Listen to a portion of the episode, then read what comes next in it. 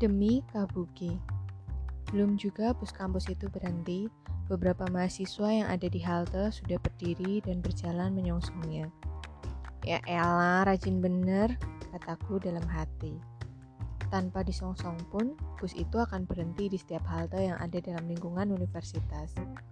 Tidak perlu terburu-buru atau berebutan naik ke bis untuk mendapatkan tempat duduk, karena bisa dipastikan sebagian besar penumpangnya akan berdiri. Jumlah tempat duduk di dalam bus kampus hanya sedikit.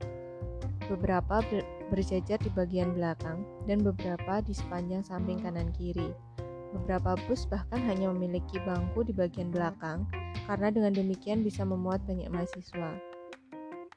Ada kemungkinan untuk dapat tempat duduk kalau naik dari pangkalan bus yang ada di dekat gerbang kampus. Lebih dari itu, semua tergantung faktor keberuntungan. Aku sendiri lebih suka berdiri. Biasanya aku memilih berdiri di dekat jendela yang ada di bagian sisi kanan, sambil menikmati embusan angin dan pemandangan sepanjang jalanan kampus. Pemandangan akan lebih asik bila hujan turun mengguyur. Bau kas tanah yang basah, sisa-sisa air hujan yang membentuk kabut tipis, daun-daun pepohonan yang terlihat segar. Hmm, perjalanan dengan bus kampus pun bisa terasa begitu romantis. Seringkali aku berkaya.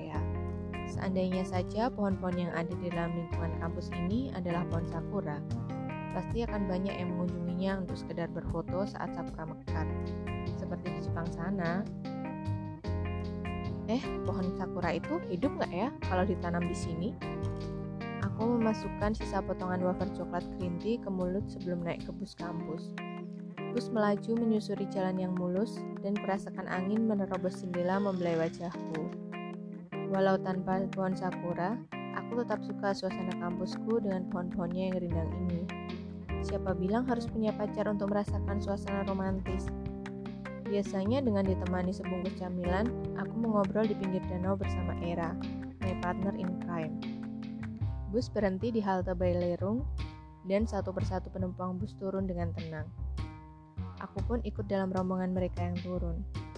Tidak lupa aku mengucapkan terima kasih kepada Pak Sopir. Namun, ketenangan itu mendadak berubah saat terdengar bunyi bel tanda kereta akan datang. Beberapa penumpang yang masih di dalam bus mendesak kerumunan agar bisa segera turun. Kemudian, mereka berlari ke stasiun kereta yang yang ada di seberang halte berupaya tidak tertinggal komuter lain.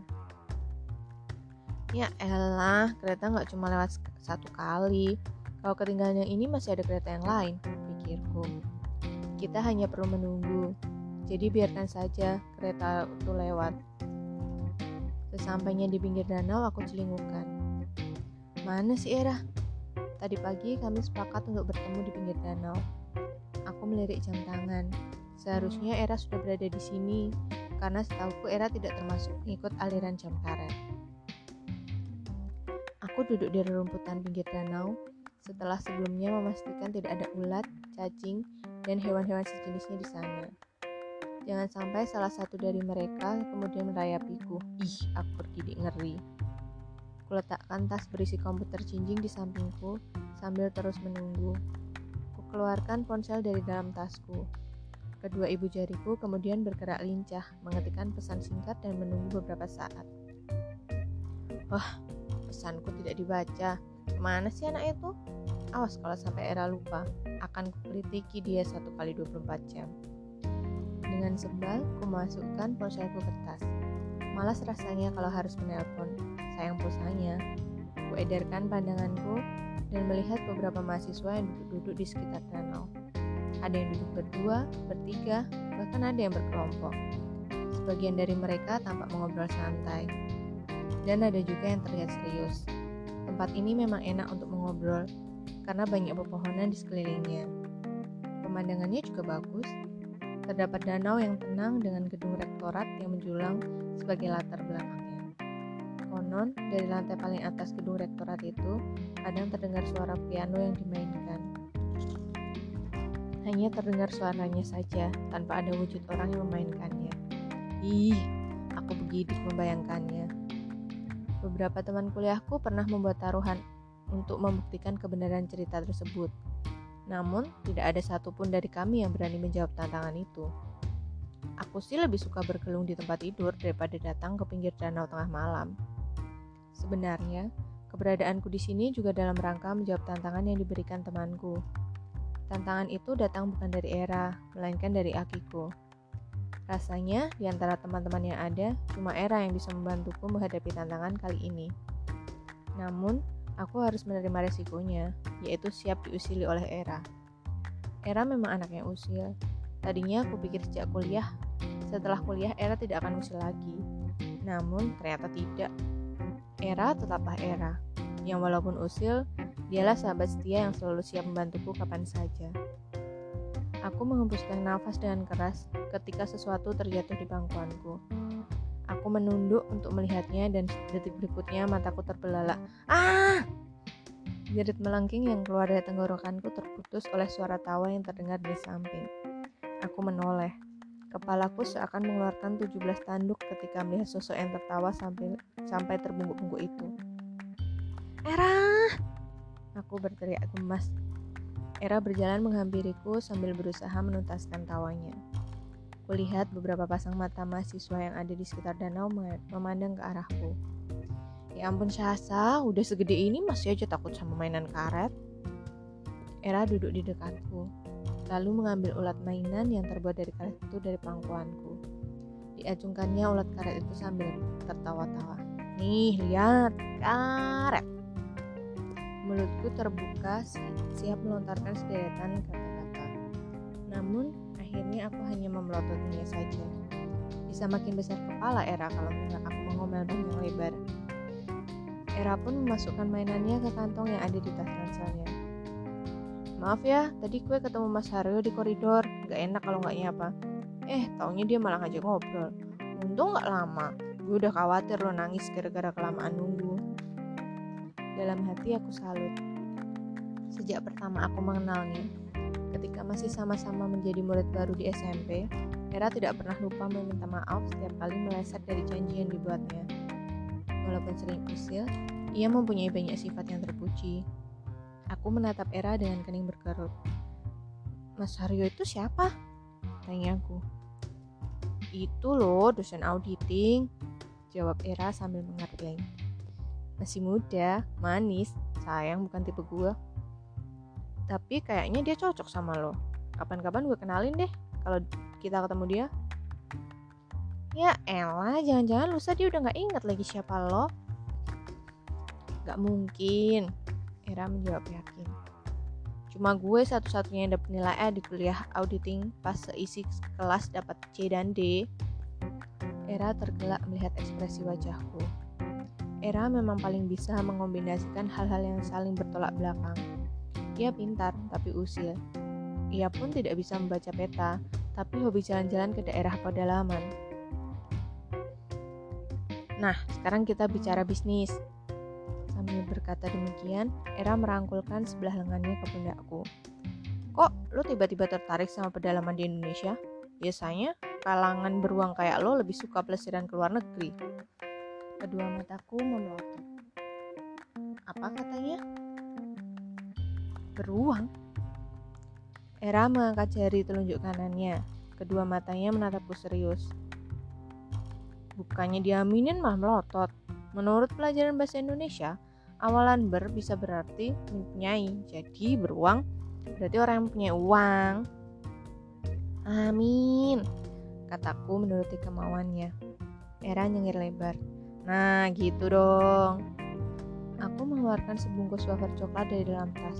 Apaan tuh? Tanya Era ingin tahu. Wafer otana? Jawabku sambil menyompek pembungkus wafer dan mengintip isinya. Mataku mengecap beberapa kali seiring dengan gerakan rahangku. Kok gue gak dibagi? Protes Era. Enggak dong, jawabku tenang di sela-sela kunyahanku. Lo kan tadi udah ngusilin gue. Pelit. Aku pura-pura tidak mendengar apa yang dikatakan Era. Kok Gue baru lihat buffer kayak gitu ya, cetus Era. Pastinya, kataku dengan nada sombong. Yang kayak gini cuma ada di Jepang. Sombong, berutu Era. Eh, beneran. Aku tidak mau kalah. Aku minta tolong Tante Novi beliin ini setiap kali dia pergi ke Jepang. Era memandangku dengan sebelah alis terangkat. Kenapa bukan lo yang ke sana sendiri? Liburan sambil borong wafer coklat yang gak ada di sini dan semua pernik-pernik khas Jepang yang lo gila-gila itu. Nah, itu yang mau gue omongin sama lo. Lo mau minta masukan dari gue soal tempat-tempat liburan di Jepang. Waduh, penjelajahan gue baru sampai di Indonesia. Dengerin gue dulu dong. Aku memotong kalimat Era. Aku mulai bercerita tentang tantangan Akiko yang dilontarkannya ketika kami chatting dua hari yang lalu. Tantangan yang kemudian membuatku menghabiskan waktu berselancar di dunia maya. Ntar dulu, Hera menyalakan netku. Akiko ini siapa? Dia tinggal di sebelah rumah gue sebelum akhirnya balik ke Jepang. Ikut ayahnya yang kontrak kerjanya udah berakhir. Yang mana? Hera bertanya dengan kedua alis bertaut. Kok gue gak inget ya? Padahal gue kan sering main ke rumah lo. Aku mendengus sebal. Lo itu sering main ke rumah gue pas SMA aja. Begitu kuliah gak pernah lagi. Untung kita satu kampus, jadi sesekali masih bisa ketemu. Kalau enggak, mungkin lo udah gak inget lagi sama gue. Era tertawa, didorongnya bahuku. Lebay, Akiko ini orang Jepang. Bukan, orang Amerika. Aku menjawab. Ya iyalah orang Jepang dari namanya aja udah kelihatan Jepangnya. Lu, nama nggak menjamin, Syah. Bantah Era. Disebutnya nama salah seorang mantan anggota trio penyanyi yang cukup terkenal di era 90-an, Lucy Rahmawati. Nama anaknya kayak taruh, padahal ibu bapaknya orang Indonesia asli. Kalau nama gue gimana? Tanya aku. Biasa aja. Era menjawab dengan wajah datar. Kalau huruf hanya dihilangin bisa jadi nama bumbu masak.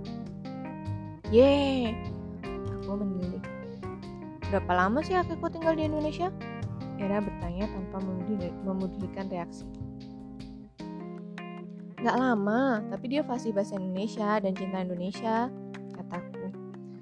Kemudian dari mulutku meluncur cerita tentang Akiko, cewek cantik berkulit putih dengan rambut panjang dan mata berwarna coklat almond. Walaupun tinggal berjauhan, kami masih sering berkirim surat dan juga chatting. Kalau nggak pernah cerita, Era menyela ceritaku. Aku menggelengkan kepala. Masa sih? Aku pun melanjutkan ceritaku tentang Akiko. Beberapa hari yang lalu saat kami chatting, Akiko mengutarakan keinginannya untuk berlibur ke Indonesia bulan depan. Tentu saja aku menyambutnya dengan antusias. Aku menyodorkan sejumlah tempat wisata seperti Bromo, Yogyakarta, Bali, dan Lombok. Namun tak ada satupun dari destinasi itu yang disetujuinya. Saya ingin berpetualang di tempat yang tidak tidak akan saya lupakan seumur hidup. Begitu jawaban Akiko. Saya ingin melihat sisi lain keindahan Indonesia yang tidak akan saya temukan di negara lain. Aku hanya bengong mendengar permintaannya. Tidak ada satupun ide yang bisa aku usulkan. Dengan malu, aku terpaksa mengakui bahwa tempat wisata di Indonesia yang aku kenal selama ini hanya berkisar di tempat-tempat yang memang sudah terkenal sebagai tempat tujuan wisata. Selesai chatting, aku langsung menghubungi Mbah Google, bertanya tentang tempat-tempat indah yang ada di negeri yang aku tinggali sejak lahir. Beberapa rekomendasi tempat wisata pun muncul, seperti Kepulauan Derawan yang mendapat julukan sebagai Maldivesnya Indonesia, Pulau Komodo dengan kadal raksasanya, atau Raja Ampat yang pemandangan bawah lautnya begitu indah. Namun, laki-laki tidak ada satupun yang disetujui Akiko. Kenapa nggak mau ke Raja Ampat? Era bertanya penuh rasa ingin tahu. Wajahnya terlihat serius. Raja Ampat itu luar biasa loh, luar biasa indah dan luar biasa mahal. Sambung Era setengah meringis. Lebih murah pergi ke Bangkok dibanding ke Raja Ampat.